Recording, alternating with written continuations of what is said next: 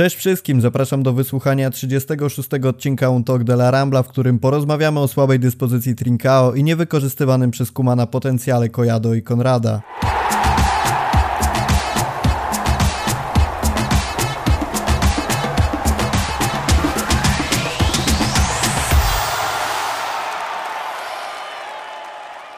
Przed sezonem oczekiwaliśmy wzmocnienia kilku pozycji, m.in. środka pola oraz skrzydeł. Odpowiedzią na brak kreatywnych, a przede wszystkim efektywnych pomocników stał się Pedri, o którym możecie posłuchać w 34 odcinku Talk de la Rambla.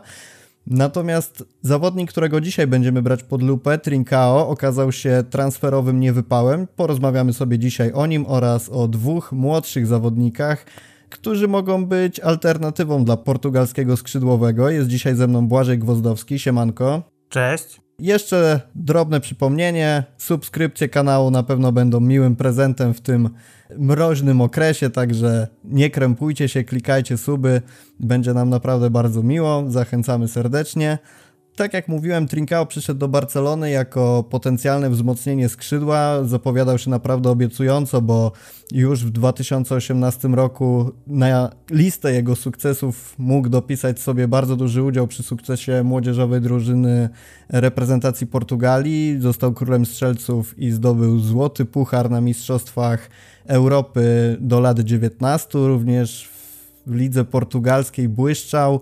Dziennik Abola wybrał go nawet najbardziej kreatywnym graczem Ligi Portugalskiej. Potem transfer do Barcelony. Błażej, co się stało, że Trincao wygląda tak, jak wygląda? W czym możemy upatrywać jego słabej formy? Bo o tym chyba nie będziemy dyskutować, że Trincao wygląda po prostu beznadziejnie. No wygląda źle, ale nie wiem, czy wiesz, czy zdajesz sobie sprawę, jaki piłkarz był, strzelił dokładnie tyle samo bramek na tych mistrzostwach Europy do lat 19. Zaskocz mnie. Żota, wiesz kto to w ogóle jest? Wiem, wiem. O, obiło mi się o uszy.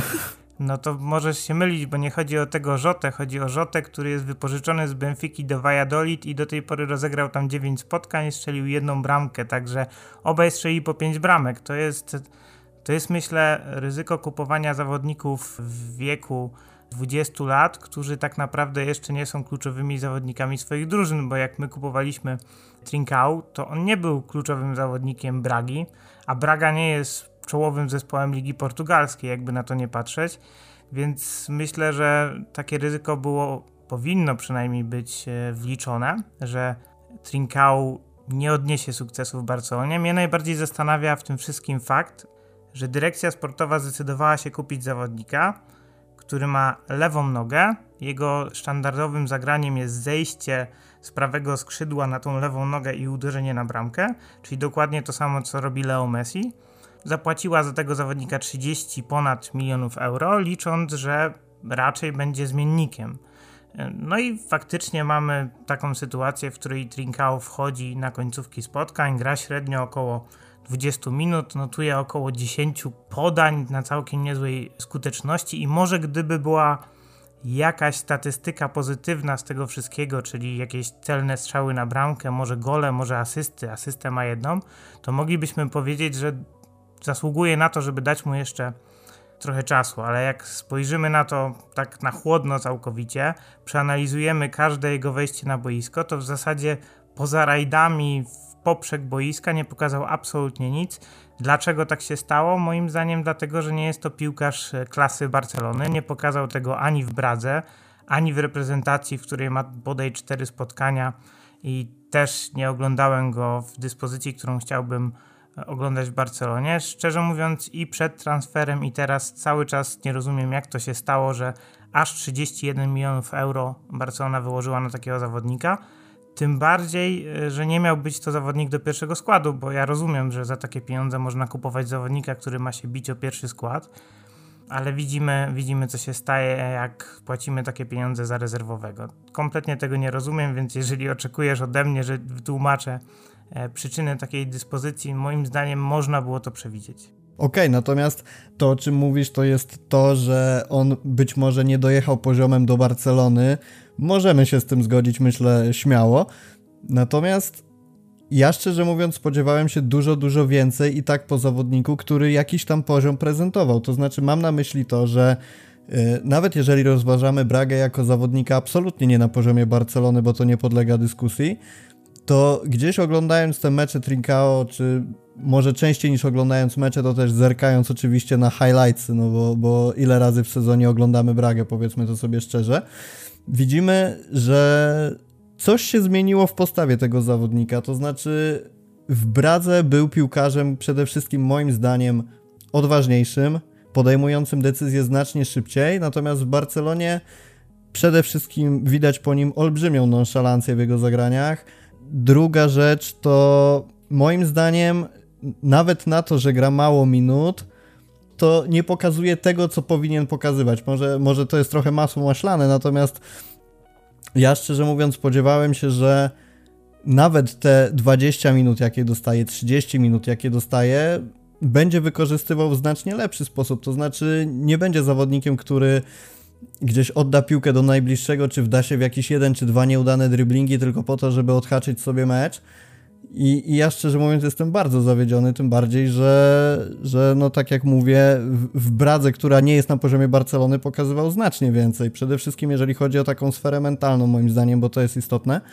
A czy twoim zdaniem nie, jego słaba forma w Barcelonie nie wynika też z tego, że z, z tego jaką rolę pełni, to znaczy w Bradze czy też w tych młodzieżówkach Portugalii był postacią wiodącą, natomiast w Barcelonie gdzieś musi oddać tę główną rolę oczywiście Messiemu, ale też innym zawodnikom takim jak Griezmann, czy gdzieś możliwe w szatni takim postaciom jak Pique czy Busquets. I przez to, że nie ma miana takiego, wiesz, y, lidera, y, nie może pokazać tego, co najlepsze, tego, co pokazywał w lidze portugalskiej. Naprawdę nie wiem, czy można go uznać za lidera Bragi, czy można było go kiedykolwiek uznać za lidera Bragi.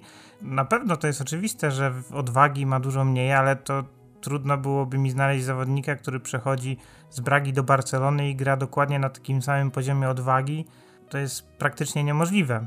Zgadzam się, że ten brak przekonania co do tego, co chce zrobić przede wszystkim, bo ja mam wrażenie, że on podejmuje jakąś decyzję, a chwilę później już wątpi, czy mu się to uda. I stąd takie dryblingi bardziej na to, żeby gdzieś tam bokiem obejść zawodnika, ale piłki nie stracić, niż takie na próbę przejścia przeciwnika, więc to na pewno.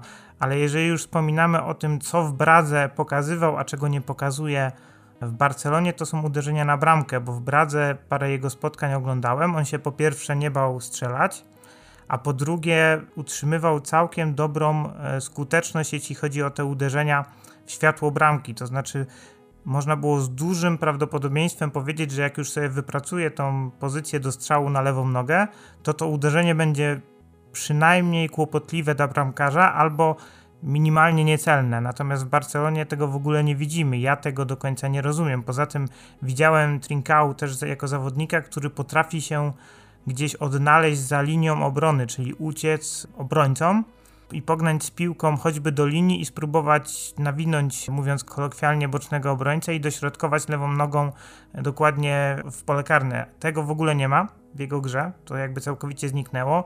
Podobnie nie potrafi rozegrać e, krótko piłki z partnerami, co też mnie zaskoczyło, bo to też pokazywał w Bradze.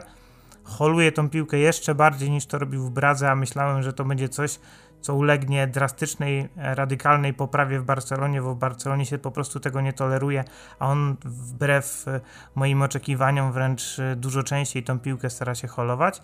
Generalnie ja widzę w jego grze regres i nawet nie tyle regres wynikający z tego, że tą piłkę ma rzadziej, musi szybciej ją oddawać, bo inne są wymogi Barcelony, ale z tego, że on nie potrafi przenieść takich prostych zagrań typu przyjęcie kierunkowe, dribbling od razu po przyjęciu, czy dribbling po to, żeby zyskać sobie pozycję do strzału tylko i wyłącznie.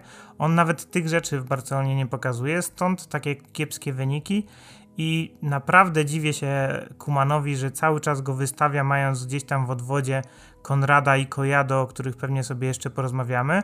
Tym bardziej, że prawdopodobnie tymi decyzjami, ciągłym wystawianiem Trinkału niszczy zawodnika, bo ja nie wierzę, że on się odbuduje wchodząc za każdym razem za karę na boisko na 20 minut tylko po to, żeby na koniec spuścić głowę i patrzeć tylko w murawę, bo trudno spojrzeć w oczy partnerom, skoro nie potrafi się zagrać choćby jednej dokładnej piłki przez te 20 minut. Mam wynotowane dwie rzeczy, o których chciałem z tobą porozmawiać w kwestii Trinkao i jego właśnie słabszej formy względem tego, co wcześniej prezentował. Jedna to były strzały, o których powiedziałeś. I rzeczywiście, no te strzały to jest coś, co zdecydowanie pogorszyło się względem tego, co prezentował w poprzednim sezonie. Co prawda mieliśmy małą, naprawdę małą zapowiedź tego, co potrafi w meczu z Korneją, kiedy strzał po jednym z wolejów poszedł w światło bramki i mówię o tym drugim, bo pierwszy gdzieś tam wylądował w krzakach i wyglądało to naprawdę obiecująco po tych ponad 700 minutach nieudanych zagrań. A druga rzecz to są dryblingi, bo to też było bardzo bardzo szeroko komentowane w kontekście jego transferu, że wreszcie będziemy mieć skrzydłowego, który gdzieś potrafi zabrać się z piłką, minąć jednego, dwóch obrońców i jeszcze było to podbijane przez te wszystkie filmiki z treningów, jak mijał obrońców i, i kreowano go na naprawdę świetnego dryblera. Natomiast jeżeli sobie spojrzymy na statystyki, to średnio na mecz, oczywiście pamiętając o tym, że tych minut ma rozegranych bardzo mało, tak, znaczy bardzo mało, średnio na mecz ma, ma mało rozegranych minut, więc też należy mieć to na uwadze, że, że ta statystyka driblingów może być nieco zakrzywiona, natomiast średnio notuje około mniej więcej jednego driblingu udanego na mecz. Yy, najwięcej zanotował z Realem Sociedad i Zejbarem 4 na 6 i 2 na 3 kolejno. Natomiast jest taka ciekawa statystyka, nie wiem czy udało Ci się do niej dotrzeć. Nie będę tłumaczyć tego na polski, bo, bo nazwa jest, jest po angielsku i wyszłoby to jakoś po prostu bezsensownie. Natomiast sam wskaźnik pokazuje, jak zawodnik po przyjęciu piłki, po poprawnym przyjęciu piłki dodajmy, przesunie się z piłką o co najmniej 4,57 metra do przodu, to jest przelicznik z 5 yardów, ewentualnie wejdzie z piłką w pole karne i to wszystko jest mierzone w tych 60% pola gry, licząc od bramki przeciwnika, czyli wyklucza się 40% tej strefy defensywnej przy własnej bramce. I co ciekawe, w tych meczach, kiedy notował najwięcej udanych driblingów, czyli Real Sociedad i Eibar, jednocześnie tych takich progresywnych podejść z piłką, nazwijmy to, zaliczył 0 na 17 z Realem Sociedad i 0 na 14 z Eibarem. Czyli wiadomo, gdzieś, gdzieś rzeczywiście te, te driblingi może i są, natomiast przestrzeni nie zdobywa. I to, o czym wspomniałem, że możemy rozważać, czy to jest kwestia minut na przykład, charakteru końcówki meczów, cokolwiek. No, z drugiej strony, po co go Kuman wpuszcza? No po to, żeby jakoś tam zdobywał ten teren i, i przybliżał drużynę do bramki. Natomiast Trincao zagrał również w meczach e, Ligi Mistrzów, gdzie zanotował dużo więcej minut, z Dynamem 82 minuty i z Ferencvaros 90 minut. I na 57 kontaktów z piłką w meczu z Dynamem zaliczył 6 takich tych progresywnych podejść i w meczu z Ferencvarosem, tutaj niech wszyscy wierzący zatkają uszy, 6 na 66, więc to, o czym sobie rozmawiamy, strzały i dribbling, to jest to, co w tym zawodniku mnie na razie rozczarowuje najbardziej i szczerze mówiąc, ja nie widzę jakiegokolwiek potencjału w tym, żeby on był wzmocnieniem e, ofensywy Barcelony i teraz już przechodząc płynnie do drugiego punktu, bo gdzieś rzeczywiście go, oglądamy bardzo często, 15 na 18 meczów w lidze nie wzięło się znikąd, co twoim zdaniem sprawia, że Kuman tak często go wpuszcza? Czy, czy to jest jakaś wiara w to, że on się w końcu odblokuje, czy co, co kieruje tym naszym trenerem? Nie wiem w co wierzy Kuman, ale ja chciałbym wierzyć, że chodzi o treningi, dlatego że to jest jedyne takie logiczne wytłumaczenie, dlaczego stawia się na zawodnika, który gra źle, po to, żeby nie podcinać mu skrzydeł na treningach, żeby cały czas się starał i cały czas dostawał nagrody za to, jaką klasę pokazuje na treningach. Nie wiem, być może będzie taki moment przełamania, ale ja nie widzę w oczach Trinkału po każdym meczu choćby szansy na to. W sensie chciałbym, chciałbym zobaczyć, że on się cieszy na przykład po wygranej, a ja tego kompletnie nie widzę. Ja mam wrażenie, że on przeżywa każdy mecz dokładnie w taki sam sposób. I podobnie było z Memphisem Depayem zresztą w Manchesterze. On też opowiadał e, nieraz w wywiadach, że nawet jak drużyna wygrywała, on zagrał słaby mecz, to on myślał tylko i wyłącznie o tym, że on zagrał słaby mecz. I w ten sposób w zasadzie zniszczył sobie całą tę przygodę w Manchesterze. Teraz się odbudował i kto wie, być może będzie zawodnikiem Barcelony. Ja mam nadzieję, że podobna historia nie spotka Trincao. Na pewno mniejsze oczekiwania względem niego były już przed transferem do Barcelony. Nikt chyba nie myślał, że on będzie tutaj liderem e, ofensywy Barcelony, ale faktycznie uważam, że że gdzieś tu jest kłopot i nie wiem jak z tego Kuman wybrnie, bo albo musi tego zawodnika odstawić i dać mu zagrać, nie wiem, po 3-4 meczach choćby 90 minut, żeby on sobie odpoczął od tej presji, jaka jest, kiedy się wchodzi przy wyniku na styku bądź nawet remisowym, odpoczął od tej presji i wszedł właśnie w takim spotkaniu, gdzie Barcelona prowadzi 2-3 do 0 w jakiejś tam 75 minucie, bądź też choćby teraz w kolejnym meczu Copa del Rey, póki jeszcze to nie będzie jakiś najwyższy poziom, chociaż no, tak jak pokazały mecze Realu czy Atletico, to teraz trudno tutaj mówić, żeby nawet Copa del Rey były łatwe przeprawy. Tak naprawdę nie wiem. Tak naprawdę przede wszystkim żal mi piłkarza, bo widać, że on się męczy na boisku i żal mi ewentualnych e, młodych zawodników, którzy czekają na swoje szanse, a ich nie dostają i pewnie trudno im to zrozumieć. To ja jeszcze dodam od siebie, że moim zdaniem Kuman ma bardzo utarte schematy zachowań w trakcie meczu. To znaczy nie idzie, wynik jest niekorzystny, no to wiadomo, trzeba wpuścić Trincao, jeżeli siedzi na ławce Bright White, to Bright White'a, no i ewentualnie jeżeli Barcelona uzyska jakiś korzystny wynik, to wtedy wpuszczamy obrońcę. I moim zdaniem Kuman w swoich decyzjach jest bardzo nieelastyczny, i to też jest y, przyczyna tego wszystkiego, że, że, że, po prostu jeżeli wynik jest niekorzystny, jeżeli potrzebujemy wzmocnić ofensywę, Kuman patrzy na ławkę, jest Trinkao, wpuszczam Trinkao, nie, nie, nie kombinuję, nie próbuję w jakiś radykalny sposób zmieniać tego swojego podejścia do wprowadzania zawodników z ławki i, i gdzieś siłą przyzwyczajenia prędzej czy później tam w okolicach tej 65-70 minuty pada wybór na Portugalczyka. Natomiast tak jak sobie powiedzieliśmy na początku, poza Trincao jest jeszcze dwóch skrzydłowych w Barcelonie. Na razie na drugim planie, ale liczymy na to, że przebiją się być może nawet przed Trincao. Mowa oczywiście o Kojado i o Konradzie. Tutaj będę Ci musiał oddać głos, bo szczerze mówiąc, z całą pewnością obserwujesz ich znacznie częściej w grze, więc ja, ja się tutaj nie będę wychylał z moimi przemyśleniami na podstawie małej liczby obejrzanych meczów. Natomiast Kojado i Konrad są na ustach kibiców od jakiegoś czasu, myślę, że dość często. Póki co Konrad zagrał 7 minut z Dynamem, 10 z Ferencvaroszem, znalazł się w kadrze w 10 ligowych meczach i nawet dostał szalone 19 minut w Copa del Rey z Corneją. I na tym by się kończyła jego przygoda z y, pierwszą drużyną w tym sezonie. Kojado jeszcze nie zdążył pokazać się ani nawet na minutkę. Co prawda był w składzie na Corneję, ale nie pokazał się na boisku. W poprzednim sezonie bywał na ławce znacznie częściej, natomiast jego taki ostatni mecz, w którym rzeczywiście dłużej przebywał na boisku, miał miejsce 4 maja 2019 roku. Mowa oczywiście o pierwszej drużynie, kiedy stworzył szalony tercet Malcolm Boateng i, i właśnie Kojado w meczu bodajże z Celtą Vigo. Moim zdaniem piłkarz, który zdecydowanie mógłby częściej zastępować kogoś z formacji ataku, ale oddaję głos tobie. Co, co twoim zdaniem mogliby wnieść Kojado i Konrad do Barcelony? Może zacznę od tego zawodnika, o którym mam zdecydowanie mniej do powiedzenia, czyli od, od Konrada, dlatego że Konrada bardzo wielu, wielu kibiców chciałoby już zobaczyć pewnie w pierwszym składzie Barcelony, ale to jest piłkarz, który ma jeszcze trochę czasu. Nie jest to piłkarz, który by stanowił o sile Barcelony B, nie wiem, w 30 czy w 40 spotkaniach. To jest piłkarz, który dopiero wchodzi.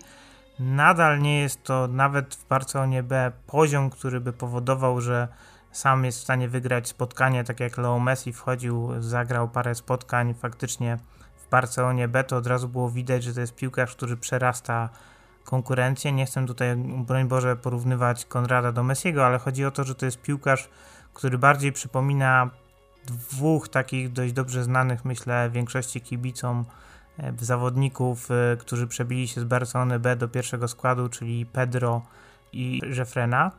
I to jest podobny poziom, podejrzewam, docelowy. Nie sądzę, żeby on osiągnął kiedykolwiek wyższy poziom, ale jest to całkiem solidny, szybki, przede wszystkim skrzydłowy, który nie boi się uderzyć prawą, lewą nogą, nie boi się też pójść w dribbling i nawet w meczu z Corneją było widać, że radzi sobie z tym dużo lepiej niż Trinkau, więc mam nadzieję, że pokaże się z dobrej strony, ale nie chciałbym wyciągać pochopnych wniosków, dlatego że o ile widziałem około 8-9 spotkań Konrada w Barcelonie B, to nadal nie mam takiej opinii na temat tego piłkarza, która mogłaby tutaj komuś przedstawić jego sylwetkę dokładniej. To jest, to jest wciąż piłkarz jeszcze nieukształtowany.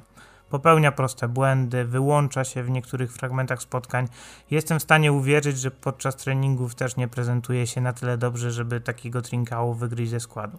Troszkę inna sytuacja jest w przypadku Kojado i w przypadku Kojado to od razu się przyznam, że jestem jego fanem w tym sensie, że jest to mój ulubiony piłkarz Barcelony B i to nie w, tylko w tym sezonie, ale również w poprzednim i jeszcze poprzednim, kiedy wszyscy tutaj o Rikim mówili przede wszystkim, to ja cały czas zwracałem uwagę, że w zasadzie to Kojado jest poszkodowanym głównym tego, że Riki musi grać w pierwszym składzie Barcelony B w pomocy, bo przez to Kojado był bardzo często przesuwany na skrzydło. W tym sezonie okazało się, że musi być dokładnie tak samo, ale powód jest e, zupełnie inny. Po prostu nie ma prawego skrzydłowego na takim poziomie, który mógłby grać w Barcelonie B. Stąd Kojado gra na prawym skrzydle. Ja uważam, że to jest pomocnik. Uważam, że to jest pomocnik, który może grać na poziomie Barcelony, znakomity technicznie, ze świetnym dribblingiem, świetnym przyjęciem kierunkowym, a oprócz tego ma to, czego nie ma większość pomocników w Barcelonie, czyli potrafi strzelać bramki. Dla mnie to już jest weteran Barcelony B, więc jeżeli on w tym sezonie nie zadebiutuje i nie zacznie grać choćby jakichś ogonów w Barcelonie, to ja podejrzewam, że jedyne co mu zostanie to odejść na jakieś wypożyczenie albo po prostu będziemy mieli kolejną sprzedaż definitywną, tym bardziej, że potrzebne są pieniądze. I to jest podobna sytuacja jak była przed tym sezonem z Mączu, w sensie ja uważałem, że powinniśmy tego zawodnika zatrzymać i spróbować dać mu szansę w Barcelonie, tym bardziej kiedy się okazało, że Kuman stawia na dwóch pivotów, to wyobrażałem sobie, że Monczu może mieć szansę na to, żeby sobie pograć nawet kosztem Rikiego. Tak się nie stało. Teraz mamy sytuację bliźniaczą dla mnie z Kojado. Kojado ma w Barcelonie B blisko 70 spotkań, strzelił w nich 13 bramek, bodaj 8 asyst, czy nawet zależy jak traktować asystę, nawet kilkanaście moglibyśmy mu naliczyć. Świetnie wykonuje rzuty rożne, świetnie wykonuje rzuty wolne potrafi dryblować, potrafi podawać i to zarówno długie piłki rzucać na skrzydła, jak i podać prostopadle. W zasadzie na poziomie trzeciej ligi, czy nawet drugiej ligi, moim zdaniem jest to pomocnik kompletny, ale tutaj dochodzimy do głównego problemu pomocnik. I teraz pytanie, czy przemianowanie pomocnika na skrzydło w Barcelonie B mogło dać pozytywny efekt. Pytanie, czy wystawienie tego pomocnika w Barcelonie da podobny efekt jak w Barcelonie B. Ja nie jestem co do tego w pełni przekonany. Wolałbym go zobaczyć w pomocy w ustawieniu 4-3-3, ale na to tym bardziej e, nie mamy szansy. Ale czy przy tym, jaką formę pokazuje Trincao, Kojado powinien wystąpić e, na skrzydle w Barcelonie? Pewnie tak. Podejrzewam, że nawet e, powinno się tak stać, ale nie jestem przekonany, czy pokazałby to, co pokazuje w Barcelonie B. A jestem ciekawy, co powiesz na to, że Konrad mimo wszystko jest chyba uważany przez Kumana, jest traktowany jako ten zawodnik bliżej pierwszego składu niż Kojado. Tak sądząc przynajmniej po tym, y, kto częściej znajduje się na ławce, czy jest bliżej tych powołań, rozpatrując tych dwóch zawodników, bo powiedziałeś o tym, że Konrad jest jeszcze zawodnikiem, który gdzieś rośnie, który dopiero się kształtuje i tak dalej, a o Kojado wypowiadasz się w superlatywach, tak przynajmniej ja odniosłem takie wrażenie, że mimo wszystko to Kojado powinien być bliżej pierwszego składu, pierwszej drużyny, a wydaje się, że jest mimo wszystko na odwrót. Pewnie jest kilka powodów, ale Konrad jest uniwersalny, może grać i na lewym skrzydle i na prawym skrzydle z podobnym skutkiem, zresztą z podobnym skutkiem gra też w Barcelonie B, więc to jest na pewno jego zaleta. Przede wszystkim jest napastnikiem, czyli on ucieknie z piłką i, i bez problemu strzeli na bramkę. Kojado, nawet jak ucieknie z tą piłką, to i tak będzie szukał zwykle podania, więc to nie jest typowy napastnik, to jest pomocnik. Być może o to chodzi, że dla Kumana na, na treningach jest to wyraźnie widoczne, że ma do czynienia jednak z pomocnikiem, który na skrzydle gra bardziej e, z konieczności i z potrzeb zespołu, tak jak kiedyś na skrzydle grał Iniesta i nie chcę w ogóle takiego wariantu próbować. Może, może tutaj właśnie przede wszystkim o to chodzi. Kto wie, czy gdyby nie stało się to, czego bardzo nie chce większość kibiców, czyli gdyby Ricky poszedł na wypożyczenie, to wtedy nie znalazłoby się miejsce dla Kojado w składzie i może zgarnąłby jakieś istotne minuty.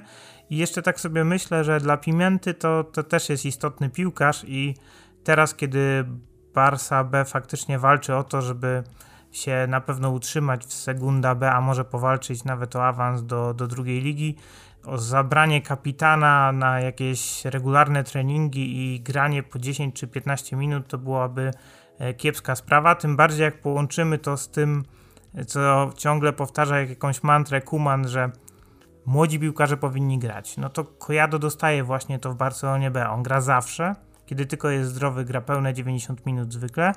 I to dla zawodnika, który jest od Trinkału nawet starszy, bo w kwietniu skończy 22 lata, jest istotne. Kto wie, czy nawet nie może zadecydować o tym, że kupiec na Kojado gdzieś tam, myślę, w okolicach czerwca się znajdzie i to klub z La Liga, a Barcelona zachowa jakąś opcję odkupu piłkarza.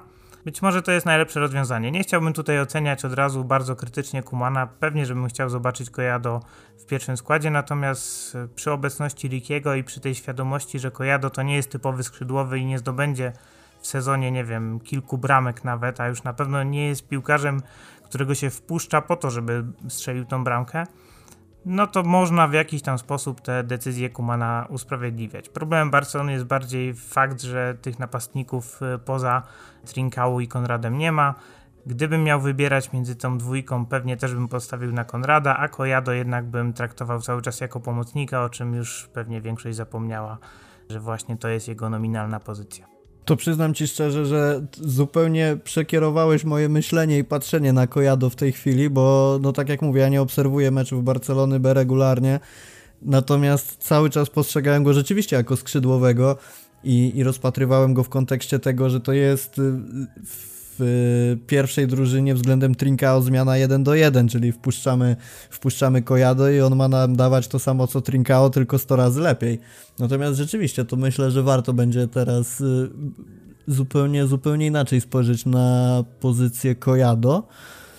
W kontekście Kojado myślę, że ważne jest też to, co powiedziałeś, że to jest kapitan i Wspomnieliśmy, że rzeczywiście, że Trinkao na tym boisku się męczy i gdzieś ta psychika może mu podupadać, to ja myślę, że Kojado w momencie, kiedy rzeczywiście wkraczałby do, tego do tej pierwszej drużyny i, i przebijał się być może do pierwszego składu powoli, powoli, to ten bagaż doświadczeń, jaki zbierał z opaską kapitana w Barcelonie B na pewno by mu nie przeszkadzał. Mam na myśli, wiesz, jakieś takie mentalne przygotowanie do dźwigania ciężkich meczów. Natomiast to, czy Kojado i Konrad pokażą się w Barcelonie to oczywiście zależy przede wszystkim od Kumana, który mam wrażenie, że na tych młodych zawodników wcale tak chętnie nie stawia, jak to zapowiadał, bo tu mamy Kojado i Konrada, natomiast jeszcze Alenia poszedł na wypożyczenie. O Rikim powiedzieliśmy sobie na przestrzeni ostatnich kilku podcastów aż za dużo możemy wspomnieć o Araujo i Mingerze, natomiast ja mam wrażenie, że oni, gdyby nie to, że sytuacja kadrowa zmusiła Kumana do wprowadzenia tych zawodników, to oni by pierwszej drużyny wcale tak szybko nie posmakowali. Na szczęście Araujo rzeczywiście wyszło mu to na plus i, i sprawdza się bardzo dobrze. Natomiast w kontekście też rozmowy o skrzydłowych to mi się przypomina taki pan, który może gdzieś już popadł w zapomnienie, to znaczy Carles Perez, i od kilku sezonów, jak obserwuję zmiany na skrzydle, to mam wrażenie, że jego sprzedaż niewiele nam dała, a tak naprawdę na ten moment, jeżeli mielibyśmy go w drużynie, to wcale mniej niż Trinkao by nam nie dał, a po drodze jeszcze przewijał się taki pan jak Malcolm i, i trochę, szczerze ci powiem, żałuję tego Carlesa Pereza, nie wiem, czy się ze mną zgodzisz i, i czy kojarzysz jeszcze, jak on w Barcelonie grał.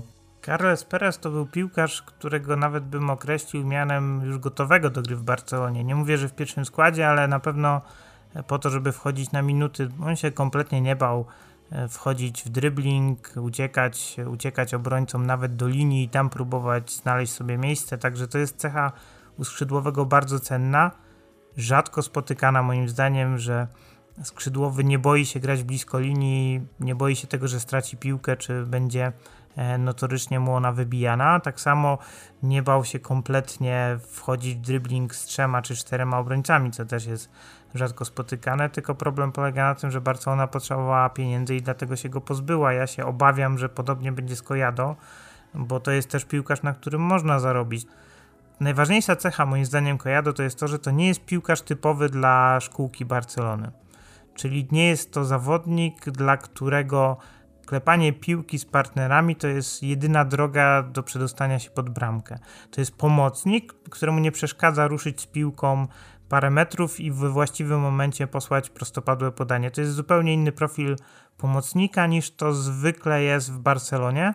I stąd moim zdaniem jest to taki kandydat do tego, żeby znaleźć sobie klub w La Liga bez większych problemów. Z Alenią było troszkę gorzej. Alenia to jest piłkarz, który też zresztą przecież e, profil ma pomocnika.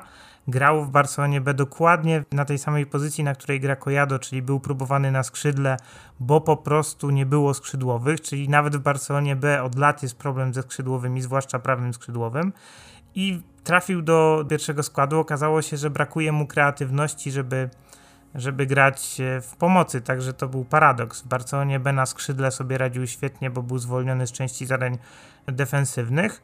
Przeszedł do pierwszego składu i okazało się, że brakuje mu kreatywności i w zasadzie tylko podaje w poprzek i do najbliższego. Najlepszy mecz w sezonie w zasadzie zagrał na pozycji pivota, co jeszcze bardziej jakby u wszystkich kibiców utwierdziło w tym, że to jest zawodnik raczej o profilu defensywnym, po czym został wytransferowany do Hetafe, gdzie gra na pozycji numer 10, notuje średnio 3 podania kluczowe i już po dwóch meczach ma pierwszą swoją asystę w La Liga. Także przewidywanie czegokolwiek w przypadku takich młodych zawodników jest trudne, ale zwróć uwagę na to, że wymieniliśmy Carlesa Pereza i Poza tym nie było w Barcelonie B jakichś istotnych klasowych skrzydłowych już od lat, także to jest problem. Myślę, że to jest problem całej szkółki Barcelony, że takich zawodników już się nie produkuje.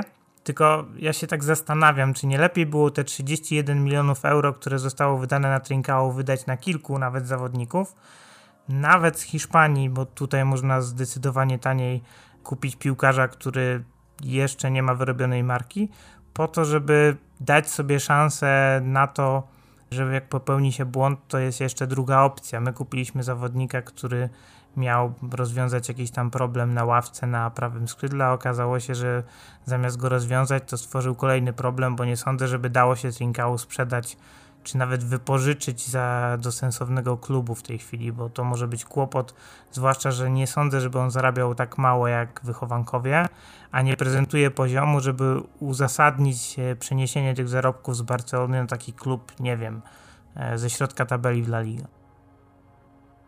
30 milionów to na pewno nie jest mało, a tym bardziej w klubie, który zmaga się z takimi problemami finansowymi jak Barcelona. To też dodajmy, że, że pewnie w innym klubie to nie byłby aż tak duży problem jak u nas, gdzie te każde jedno euro trzeba gdzieś tam do kieszeni chować i oszczędzać.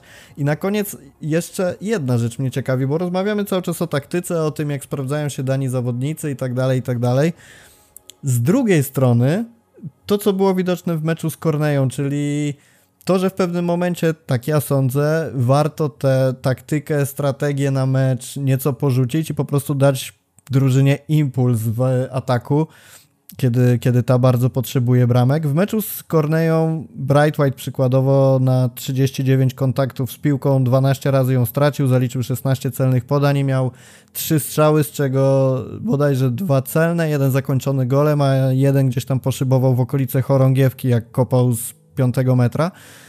I zastanawiam się, co wstrzymuje Kumana przed właśnie takim nieco być może w jego podejściu do piłki szalonym zagraniu, jak wrzucenie przykładowo Konrada czy Kojado na dziewiątkę na takie ostatnie 20 minut, żeby... Znaczy mówię na dziewiątkę, albo mam na myśli Bright White'a, ale oczywiście możemy brać też pod uwagę skrzydło i tak dalej.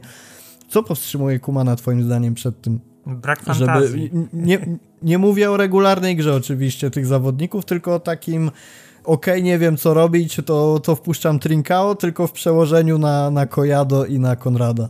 Ja w ogóle mam wrażenie, że większość holenderskich szkoleniowców ma coś, coś w rodzaju lojalności wobec zawodników pierwszego składu. Ja pamiętam jak w Barcelonie za Van Hala wchodził do składu Xavi i ja szczerze mówiąc chciałem go sprzedać. W sensie patrzyłem na tego piłkarza grającego na pozycji defensywnego pomocnika. Nie widziałem kreatywności w jego grze. To się też nakładało na wyniki zespołu, które były przynajmniej mm, w większości spotkań mizerne, bo jakbyśmy spojrzeli sobie na wiele z meczów za ery Van Hala Barcelony, to to był ciężki futbol do tego, żeby go obserwować. I Xavi naprawdę się nie wyróżniał. W sensie na pozycji defensywnego pomocnika był piłkarzem, który w ofensywie faktycznie nie dawał nic. Ja jeszcze oczywiście byłem młody, nie rozumiałem, że to na tej pozycji wymaga się zupełnie czegoś innego, ale miał coś takiego już Van Hal, że szanował zawodników pierwszego składu, rozdzielał te minuty i jakieś tam jednak korzyści z tego faktycznie miał. Taką samą lojalność Kuman pokazywał na przykład w reprezentacji Holandii, bo tacy piłkarze jak De Jong czy Depay w Holandii rozkwitają wtedy, kiedy mają takie pełne zaufanie od Kumana i grają e, w taki sposób, jak on chce i wierzą w to, że grając w taki sposób, jak on widzi, że powinni grać, pokażą swoją najlepszą wersję i faktycznie tak się dzieje. Ja nie wiem, czy to nie jest właśnie tego typu trener, który jak ma ten swój pierwszy skład, ma tą grupę zawodników, on chce, żeby każdy zawodnik wierzył w siebie, widział e, w trenerze zaufanie którym go obdarza i stąd ma swoją hierarchię, której stara się trzymać i też nie da się ukryć, że jest szczery. Każdy z młodych zawodników już zdążył usłyszeć, nie grasz, po co siedzisz na ławce w Barcelonie, idź do innego klubu, tam będziesz grał, potrzebujesz minut. Czyli jest trenerem, który jest szczery. My możemy tego nie rozumieć. Woleli pewnie byśmy jakiegoś porywczego Hiszpana, który by się zdenerwował na któryś dribbling w kierunku własnej połowy w wykonaniu Trincao, szybko go zmienił, wpuszczonego w, nie wiem, w 70 minucie, zmieniłby go w 85. Może coś takiego chcielibyśmy zobaczyć. Trochę tej ikry na ławce trenerskiej, ale po Kumanie bym się raczej tego nie spodziewał. Pozostaje nam tylko mieć nadzieję, że mimo wszystko w tym trwającym sezonie 2021 zarówno Trincao, jak i ci pozostali, czyli Kojado, Konrad i być może jakieś inne perły z Barcelony by dadzą radę przynieść nam jeszcze chociaż trochę uśmiechu, a nie tylko jakieś katastrofalne mecze, bo, bo ostatnio jest tego aż za dużo. E, dziękujemy wszystkim, że byliście z nami aż do tej minuty, że wysłuchaliście tyle ciekawego materiału. Mamy, mamy nadzieję, że słyszymy się w kolejnych odcinkach. Dzisiaj był ze mną Błażej Gwozdowski. Dzięki. Ja nazywam się Rafał Kowalczyk, zachęcam jeszcze raz do subskrypcji, lajka, hashtag UTDLaRambla, pamiętajcie, żeby go używać przy swoich postach, komentarzach. Do usłyszenia, dzięki, na razie, siemanko.